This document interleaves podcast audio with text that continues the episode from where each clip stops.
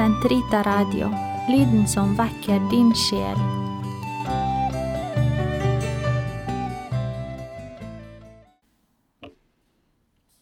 Den katolske kirkes katekisme, uke 7, søndag, paragraf 2607 til 2615.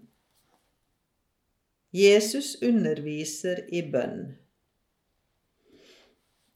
Når Jesus ber, lærer han, oss allerede å be.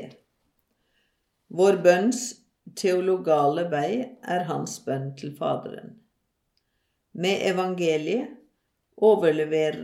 men evangeliet overleverer oss en uttrykkelig undervisning i bønn fra Jesus side.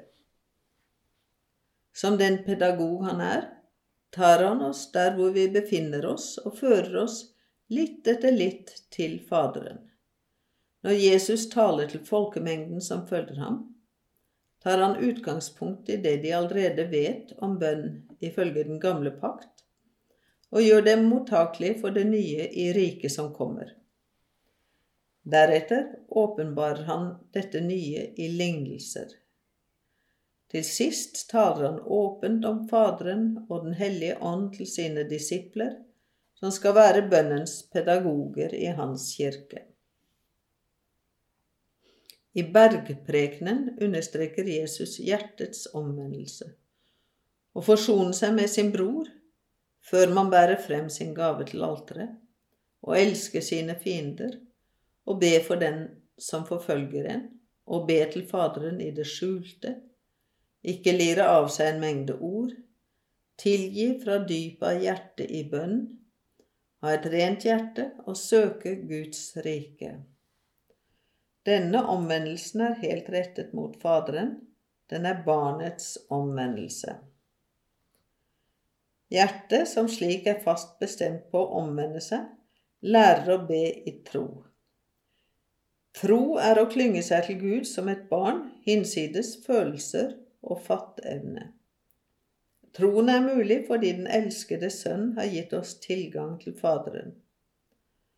Han kan be oss lete og banke på, for han er selv døren og veien. På samme måte som Jesus ber til Faderen og takker før gavene er blitt gitt, lærer han også oss å ha barnlig frimodighet. Alt hva dere ønsker og ber om, tro at dere har fått det, så skal dere få det. Så stor er bønnens makt at alt er mulig for den som tror, dersom bønnen er bedt i tro. Samtidig som Jesus undrer seg over sine nærmestes vantro og over at hans disipler er så lite troende, begeistres han over en slik tro hos den romerske offiseren og den kananeiske kvinnen. Troens bønn er ikke bare å si Herre, Herre, men å legge sitt hjerte i å gjøre Faderens vilje.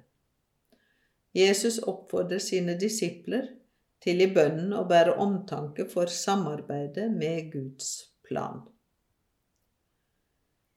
I Jesus er Guds rike kommet nær, og han kaller til omvendelse og tro, men også til årvåkenhet. I bønnen venter disiplene årvåkent på ham som er og som kommer, idet han minnes hans første komme i kjødets ydmykhet og håper på hans annet komme i herlighet.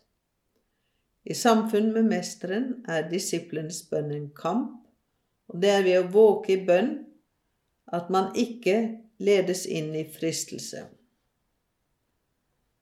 Sankt Lukas har overlevert oss tre grunnleggende lignelser om bønn.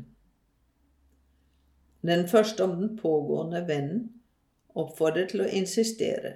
Bank på, så skal det lukkes opp. Den som ber slik, skal Faderen gi alt han trenger, særlig Den hellige ånd, som bærer alle gaver i seg.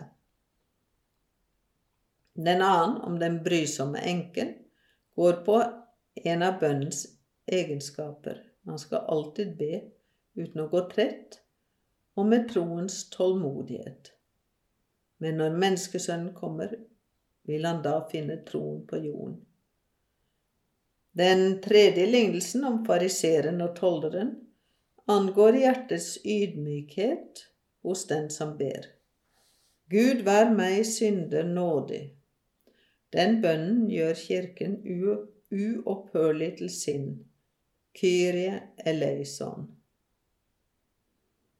Når Jesus åpent betror sine disipler mysteriet i bønnen til Faderen, åpenbarer han for dem hvordan deres og vår bønn skal være etter at han er vendt tilbake til Faderen i sin herliggjorte menneskenatur.